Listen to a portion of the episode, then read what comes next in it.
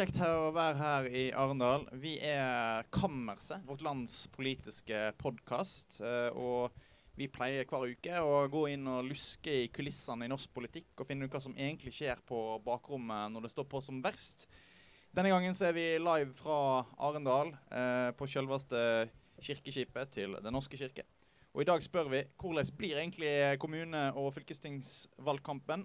Og så har vi med oss selveste lederen i Unge Høyre, Ola Svenneby. Jeg synes han skal få en applaus. Takk, takk. For det er mange frammøter her på Kirkeskipet. Eh, og som alltid har vi med oss eh, politisk redaktør Berit Aarborg, nyhetsredaktør eh, Lars Inge Staveland og meg sjøl, Emil André Erstad. Ja, før vi, eh, før vi går inn på kammerset, eh, så, eh, så, tenkte vi som vanlig å ta en tur innom forværelset med en litt sånn Arendalsukevri og spørre litt Hva er det som har gjort inntrykk på Arendalsuka så langt? Eh, du Berit, kan du begynne. Du kom jo i dag. Så, jeg kom i morges. Ja. Men, uh, så jeg vet ikke om jeg skal ta akkurat utgangspunktet i hva som har skjedd her i Arendal, men jeg har lyst til å ta utgangspunkt i en stor hendelse som har skjedd her i landet vårt. Og det er rett og slett uh, regn og flom og Hans, som uh, denne uværet heter. og så har vi hatt en sommer full av hete og skogbranner i mange andre steder i verden. Og så må jeg bare si det at det er jo forferdelig det som har skjedd med at mange har mista hjemmene sine og alt det. Men så syns jeg det er dypt fascinerende og egentlig litt deprimerende at det da er noen som mener at dette ikke har noe sammenheng med klimaendringene. Så det må jeg si har gjort dypt inntrykk på meg. Lars Inge, på deg. Du har vært på Arendal i et døgn nå.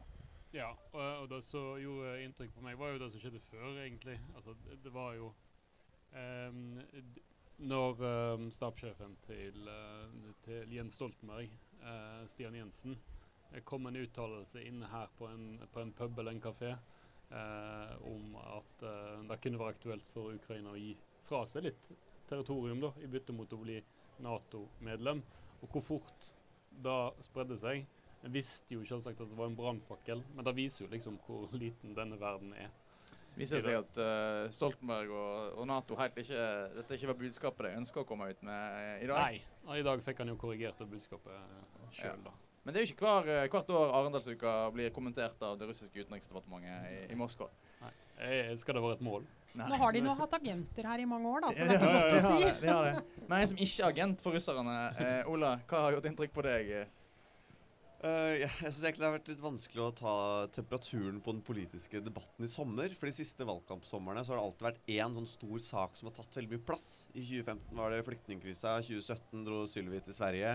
2019 hadde bompengeopprøret, og 2021 kom klimarapporten. Men nå er det litt sånn vanskelig å ta temperaturen, egentlig. Men den eh, saken som kanskje har gjort sterkest inntrykk på meg, er det som nå skjer i Sverige, hvor man har økt eh, terrortrusselnivået til nest høyeste. Som betyr at man mener at noen har konkrete planer om å utføre terror i, i Sverige.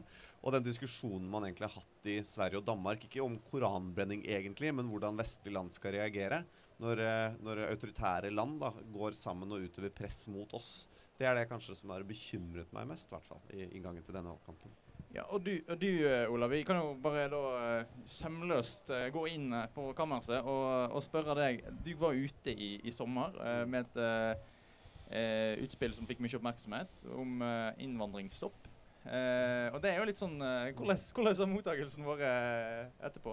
Blandet. Det er jo ikke et så fullt dekkende ord. så det var jo, fikk jo heldigvis utbrodert mye og lenge i både podkaster og media og fått snakket om det jeg mener. Og utgangspunktet mitt er um, Altså, Jeg er verken så dum eller så strategisk som det jeg ble beskyldt for å være. Fordi det var en del som beskyldte meg for at dette var en prøveballong for at Høyre og Frp skulle se hvor langt til høyre de kan gå inn i valgkampen. Det stemmer ikke. Det er heller ikke sånn at jeg så ett innslag på VG om en 15-åring som ville håndhilse og tenkte at nei, dette holder, nå er det nok. Uh, dette er noe jeg har gått og tenkt på over tid, og jeg hadde et langt intervju med Aftenposten hvor jeg kunne snakke om det jeg mener er det egentlige problemet i Norge som er at jeg er veldig redd for at vi skal få en stadig økende andel av uh, nordmenn som er født og oppvokst i Norge, som har et utenforskap utover det økonomiske, men som også er kulturelt og kanskje også verdimessig. At jeg tror at det vil være en kjempestor utfordring for landet vårt. Og at det egentlig er det vi ser i forskjellige varianter i våre naboland. Og at jeg tror det er umulig å ikke se det i tilknytning til innvandring også, fordi at på uansett hvordan du vrir og vender på det, så henger, eh, henger hvordan vi klarer å integrere sammen med hvor mange som skal integreres også. Og så er jeg veldig veldig for at vi fortsatt skal beholde asylretten, men jeg tror vi må endre måten vi gir beskyttelse på. Der står jeg på ingen måte alene i Europa lenger heller. Man ser også bevegelser i, i egentlig alle partifamiliene, både konservative, de sosialdemokratene og, i, og faktisk blant liberale også. Men du, eh, du har jo blitt beskyldt for at dette et, vil være et brudd på menneskerettighetene. Og det mm. har jo til og med også Erna tror jeg, vært inne på, og flere, i hvert fall noen i ditt eget ungdomsparti. Og så er det jo sånn, det, det, vet jo vi som har fulgt debatten, at det er, jo, det er jo mange mennesker som bor i autoritære regimer, mm. som trenger et sted, et fristed å kunne gå. Mm. Uh, og så kan man si at de kan være i naboland, eller jeg vet ikke. Det er jo sikkert flere diskusjoner der som du har vært inne i. Men, men, ser du at det er et stort, kan være et stort problem? At det rett og slett kan bygge opp under at de økte At de, at de autoritære regimene får mer makt? Ja, eller jeg vil jo kanskje snu helt rundt om på det, egentlig. Altså, For det første så er jeg enig, og jeg tror at uansett hvilken modell for innvandring man velger å gå for, så vil det for enkeltskjebner kunne være urettferdig. Og det gjelder også dagens system. Og jeg tror at utgangspunktet for et nytt innvandringssystem må jo egentlig bare være at det er bedre.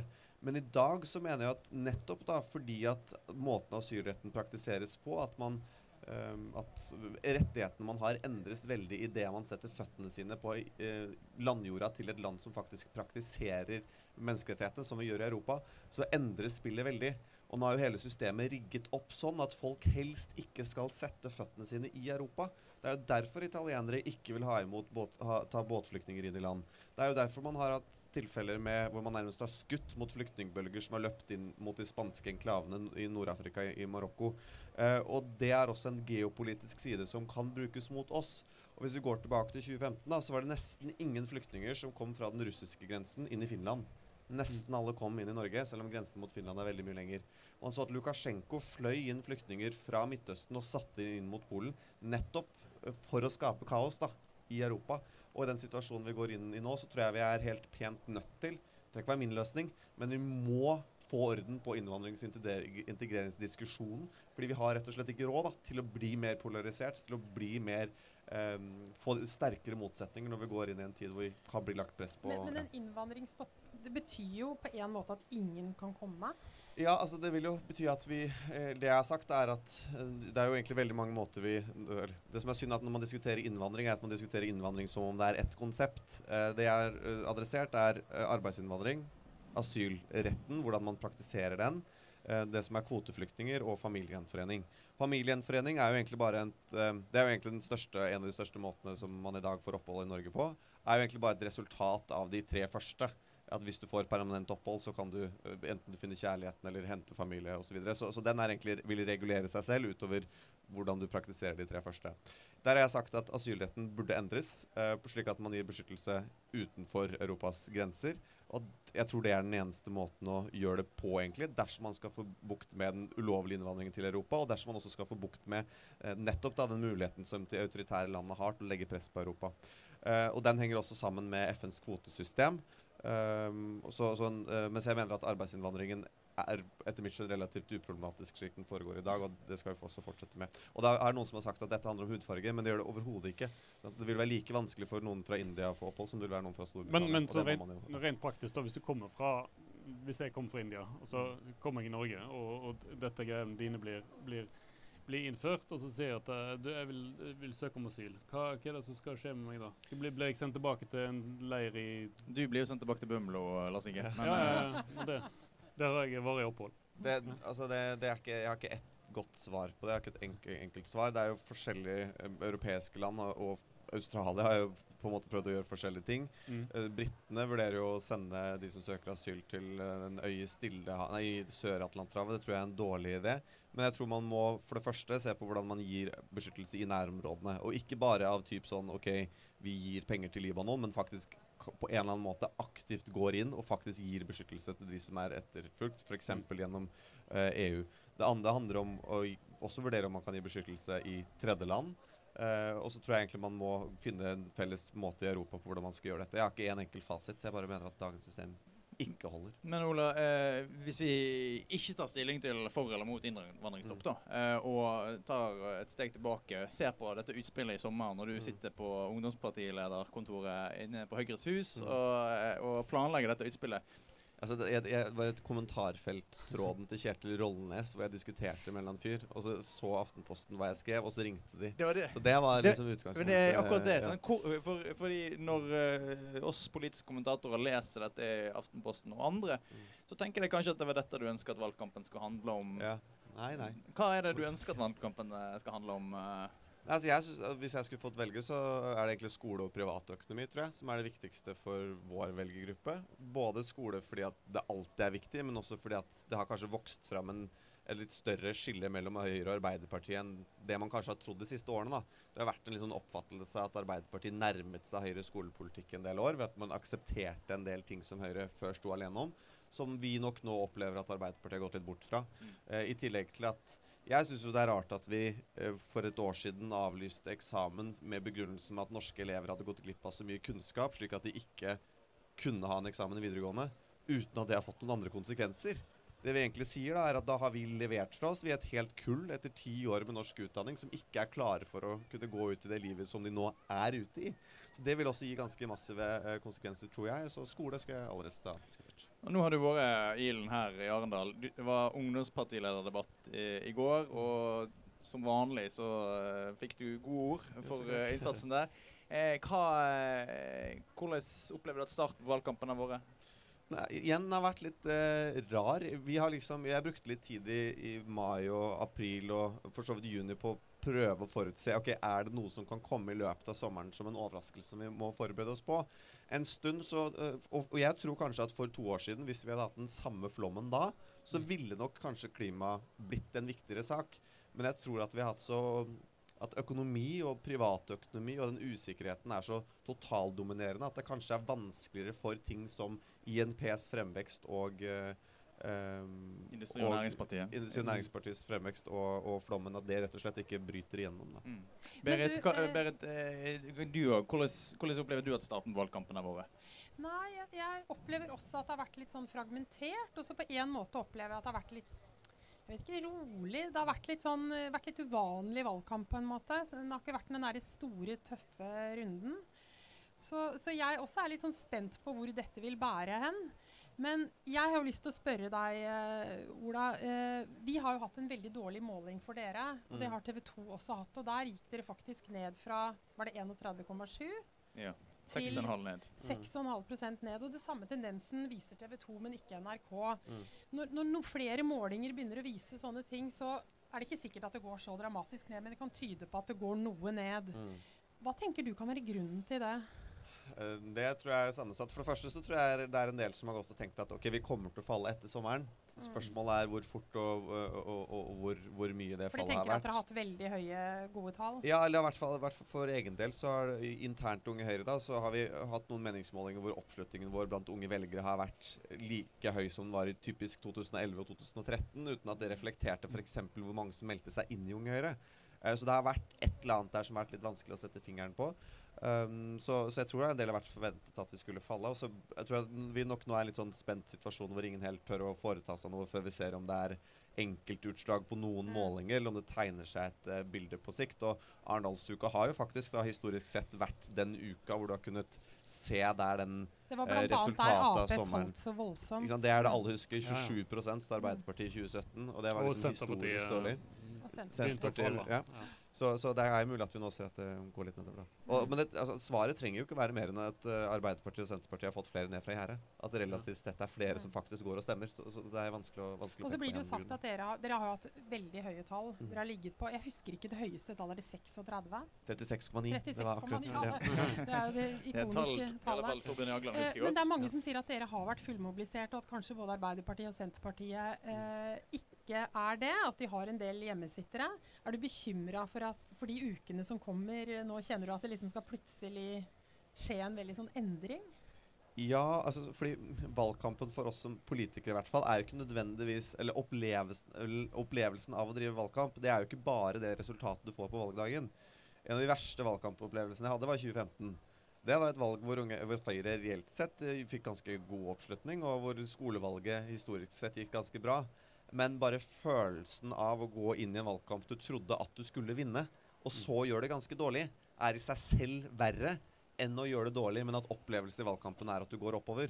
Så det er jo den derre uh, psykiske mekanismen. Da, Vi alle som- husker Trygve Slagsvold Vedum fra forrige valgkamp, hvor han gikk fra dårligere, dårligere, Mm. dårligere, og han blei bleikere og bleikere for hver Men gjorde jo et historisk godt valg til slutt, egentlig. Ja da. selv om Men ikke i forhold til der de hadde ligget. Nettopp. Så, så det er jo det, det, er det som er Mm. vanskelig for oss akkurat de ne- neste ukene. Da. Mm. Det skal mindre tid til for å gjøre eh, Jonas fornøyd enn for å gjøre dere litt stressa. Ja, det er Ja. absolutt. Og så, altså, altså må vi drive litt egen, egenreklame her, Berit. Det her har jo vært, vi har hatt måling denne uka. Det har skrevet flere kommentarer i Vårt Land om, Mm. uh, om temaet. Uh, Både om uh, lo- lokale eh, kommune- og fylkestingsvalget og om stortingsvalget. For dere har jo faktisk gått litt ned på begge to hos oss, da. Og så, og så tenker vi, har vi en, eh, en annen egenreklame, som er at i kveld er det jo partilederdebatt. Og vi i eh, Vårt Land vi driver ikke med terningkast, men vi, eh, Vi er fisker i garnet. vi er fisker i garnet til partilederne. Én til seks fisker i garnet. Hva er dine forventninger i kveld, Ola, til eh, partilederdebatten her? Den voksenpartilederdebatten. Ja, jeg håper jeg får noe ut av den. da. Hvis jeg kan være litt kritisk, så er det ikke alltid at jeg syns den har vært spesielt givende å se på. for helt ærlig. Det har vært litt mye show og litt mye bråk og ikke så mye politisk innhold. Så jeg håper at eh, vi får fram det. Og så er det alltid vanskelig å si hva en god debatt for en partileder er. Jeg tror av og til vi leser debattene litt feil. Det er ikke alltid den som altså, Debatteknisk sett fra vårt perspektiv er den som reelt sett vinner. Det handler jo først og fremst om hvem som er best på å nå de velgerne man ønsker å nå. Eh, og, og det blir spennende å se. Jeg tror Sylvi Listhaug f.eks. har eh, nok eh, blitt bedre, tror jeg, og blitt liksom flinkere på å både være Det har hun alltid vært, bare dundre på med budskapet sitt, men fortsatt liksom eh, påvirke debatten i en, en større grad. Altså. Men, men du, hva er det du sier til Erna for å nå de velgerne som du er tettest på, nemlig ungdom? Ja. For du gir henne noen råd, gjør du ikke det? Ne, Altså det vi har diskutert mye, er at eh, det er jo ikke så eh, det det er ikke så vanskelig å nå unge velgere, liksom. Da må man bare skjønne hvilken verden vi er oppvokst i. Og i Høyre, da jeg kom inn i, i arbeidsutvalget i 2020, så snakket man fortsatt om murens fall som et historisk perspektiv for noe som alle i Norge hadde en relasjon til. Og det gjelder selvfølgelig for de som ble politikere på 90-tallet, men for min generasjon så er det et bilde i en historiebok. Da er det helt andre historiske referanser som man må bruke. Så det å liksom beskrive en verden som, som dagens unge kjenner seg igjen i, da, tror jeg er, eh, er det viktigste. Og det er jo faktisk litt forskjell da, på den generasjonen jeg vokste opp i, og den generasjonen som, som Erna vokste opp i. I optimismen, f.eks., som har vært der i egen ungdomstid. Ja, altså den, denne, denne generasjonskonflikten har vi jo òg internt i vårt land. Så det Eh, men men eh, det er jo interessant. Eh, vi som skal gi terningkast, eller ikke terningkast, eh, fisker i garnet, eh, vi, eh, vi blir jo òg kritisert for å gi eh, gode terningkast til folk som, til partiledere som er gode på, på måte retoriske krumspring som kamuflerer hva de egentlig står for, eller at de eh, eh, Hvordan tenker du om, om uh, Hvordan skal vi bedømme eh, den innsatsen de kommer med i kveld, uh, på en best mulig måte? Det er vanskelig. Jeg tror, jeg tror det viktigste er liksom hvem er det, hvem er det denne politikeren har i, i, i interesse av at oppfatter dem som eh, en politiker de har lyst til å stemme på. Og det er kanskje igjen så valget, valgkampen i 2017 en god referanse, da alle kommentatorene mente at Jonas Gahr Støre var den som vant debatten. Men det er ikke alltid man vil at statsministerkandidaten sin skal være den som vinner en spisset politisk debatt. Eh, så den balansegangen der er kanskje, kanskje den vanskeligste. Ikke sant? Hva, hvem er både god i debatten, men også den politikeren som folk tenker at det er et menneske som jeg vil at dere skal representere meg. Og så er det eh, interessant meg. det du sier om segmentet man stemmer på. Fordi um, Kirsti Bergstø fikk jo veldig kritikk da hun gikk ut og sa 'røkka rana kysten', Mm. du kan ryke og reise. Men det virker jo som hennes segment tok det veldig Mm. godt til seg. da. Enig. Mens Er det mange andre. Ja, ja. Er det en ting Erna bør, bør unngå i kveld? Hva er det du liksom frykter? Eh, er det noe Nei, Gi altså- oss litt inside nå, da. Nei, Så. Nei, men det er ikke sant Men hva, det, er jo bare å bruke det jeg mener er en god debatt. Sant? Hvordan, hvordan skal hun uh, fremstilles som den mest troverdige kandidaten? Og det tror jeg bare er å Hvilke egenskaper Det er jo ofte at dine beste egenskaper ofte også er dine, er dine dårligste. Og så Da må man jo dyrke de gode egenskapene. Og det jeg tror jeg folk setter pris på ved henne, er at hun framstår som eh, stabil, trygg, eh, saklig, faktorientert. Og så er det negative ved det at det kan bli litt kjedelig. Eh, så det er den balansegangen der, å beholde det gode, som, som, jeg tror er et, er riktig strategi for henne å være et menneske folk stoler på, uten at man mister oppmerksomhet. Den, den historien om, om, det stabile og trygge Høyre, mm.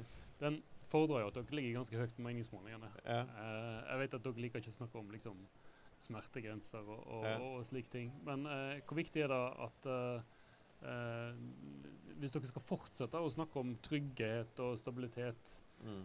hvor viktig er det at dere, dere, ligger et sted rundt 24-25 Uh, ja, altså det, det, På et eller annet tidspunkt så går det en grense, og jeg vet ikke hvor den går. Men samtidig så tror jeg ikke vi skal um, Det er mange teorier om det der at hvorfor Høyre har blitt liksom stort, og hvorfor mm. man har fått et trygghets uh, liksom rykte på seg for et, et, det partiet som tar trygghet og stabilitet på alvor. Jeg tror ikke det nødvendigvis har Altså Det har vel så mye å gjøre med de som styrer. At kontrasten til Arbeiderpartiet er vel så viktig som hva Høyre gjør. Mm. Og den kritikken om at Høyre sitter stille i båten, syns jeg også er litt rar. For det er ikke sånn at det er noe negativt å unnlate å gjøre dumme ting. Det er tvert imot ganske smart det å ikke gjøre dumme ting. Eh, så, den, så, lenge den kontrasten er der, så lenge regjeringen sant, de, de, Du kan ikke stå og snakke om at budsjettet er stramt, og at de gjør harde prioriteringer, samtidig som folk flest oppfatter f.eks. at du bruker penger på ting som du kanskje ikke burde bruke penger på i en sånn situasjon. Så den kontrasten er vel så viktig som Høyres oppslutning. Jeg, tenker for det du sier nå, er stø kurs da istedenfor å sitte stille i båten. Stø kurs fungerer. Men, det, det, er sånn du kommer deg over fjorden? Uh, ja, det, ja, det, kan du si. Men når meningsmålingene blir dårlige, så begynner alltid folk å stille spørsmål under mm. den kursen. Har du korrigert for misvisning og deviasjon og alt mulig rart uh, som vi gjør på havet? Uh, så jeg bare lurer på, hvordan er dere eh, vil det komme en sånn debatt eh, om kursen dere tar, synligheten dere tar? Er det ting dere snakker om hvis dere plutselig havner uh, i nærheten av 20-21% Ja, det, det, vil nok helt sikkert bli om... Ja, selvfølgelig. Altså, vi vurderer alle valg, og det vil jo komme en diskusjon internt til Høyre også. Og så tror jeg likevel at man har um, Altså, jeg, jeg, har ikke helt inntrykk av at um, altså Det er gøy med, med, høye meningsmålinger, men mitt inntrykk er ikke at partiorganisasjonen vår har vent seg til å ligge over 30 Mm. Og mitt inntrykk er heller ikke at vi har en forventning om å være det, men at det har vært en nøkternhet internt, og at det snarere tvert imot har vært liksom At man faktisk har forsøkt å liksom holde journalister og kommentatorer litt på avstand ved å, ved å liksom roe ned, roe ned forhåpningene. Og det vil i hvert fall hjelpe i den form for dommedagsprofil. Mm. Vi har jo prata en del med lokale Høyre-kandidater som òg eh, har hatt dette mantraet om at uh, mm. det er åpenbart blitt uh, eh, oppfordra til å moderere uttalelsene ja. om hvor store oppslutning de, de får. Uh, men Berit har en, uh, har en Jeg har et spørsmål som brenner litt, og det er en litt annen inngang inn i stabilitet og, og, og um, stabile samfunn, fordi at um, du må ta mikrofonen litt. Ja, sorry. Jeg er sjøl historiker, og da har jeg brukt mye tid på å se på hva som skaper Eller mm. jeg har hatt forelesninger om hva som skaper stabile samfunn. Og det vi jo ser da, hvis du ser på USA, noe av det som skaper ustabile samfunn, er veldig stor ulikhet. Mm. Uh, og det, det, ser du i mange sammenhenger rundt om i verden. Derfor har jeg veldig lyst til å høre på hva du mente med et utspill som skapte veldig yeah. mye veldig mye på en måte rabalder og diskusjon i vår. Yeah. Og jeg, jeg, rett, før, rett, før, vi gikk opp her, så måtte jeg bare høre det på nytt. Og da sa du det er bra at forskjellene øker, hvis det betyr at vi har fått en ny Elon Musk. Yeah.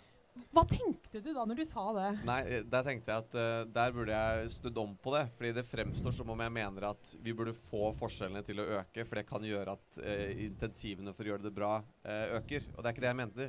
Poenget mitt er at jeg syns ulikhetsdiskusjonen i Norge er ganske unyansert. Hvis man ser på utflytterne til Sveits nå, da, så har det antageligvis gjort at ulikheten i Norge har falt. Betyr det dermed at det er bra? Nei.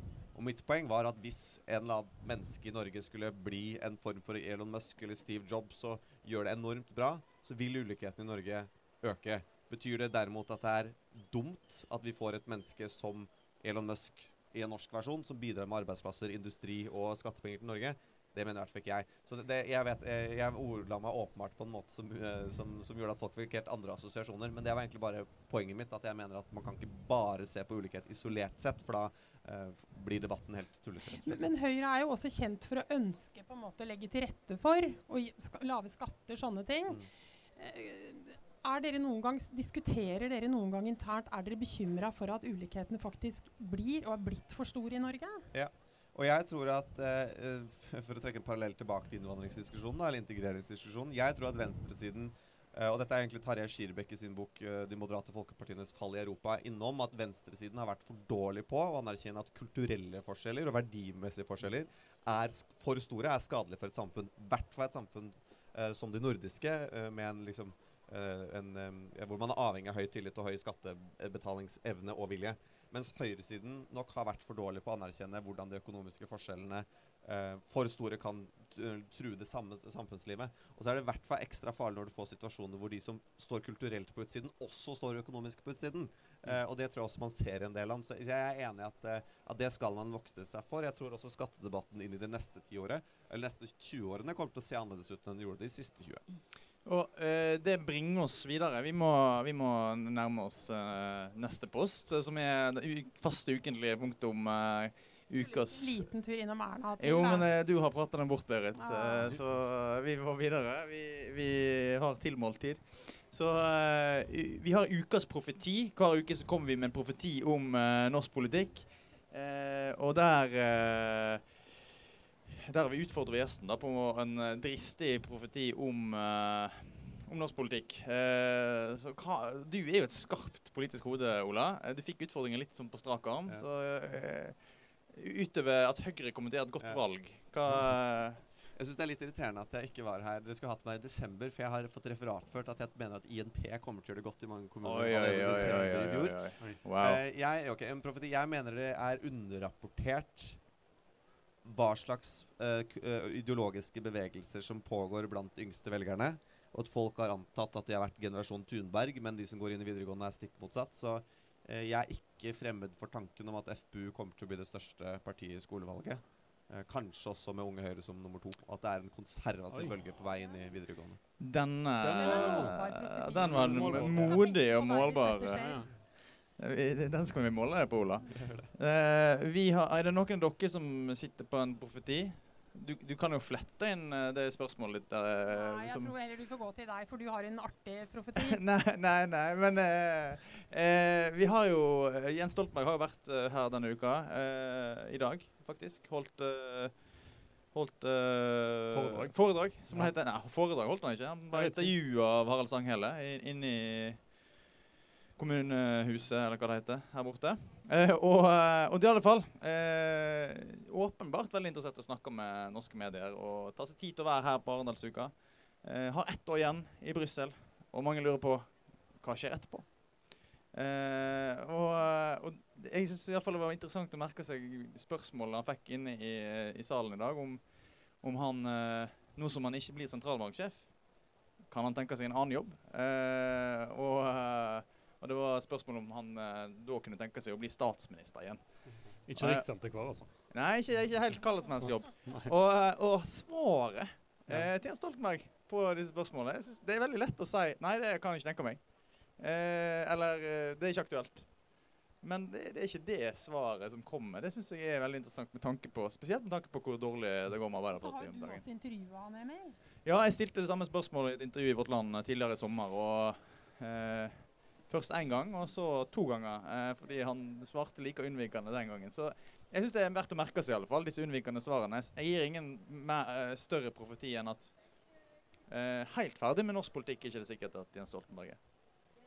Så Med det sagt Ja. så uh, sier vi tusen takk for at du kom, uh, Ola. Takk for invitasjonen.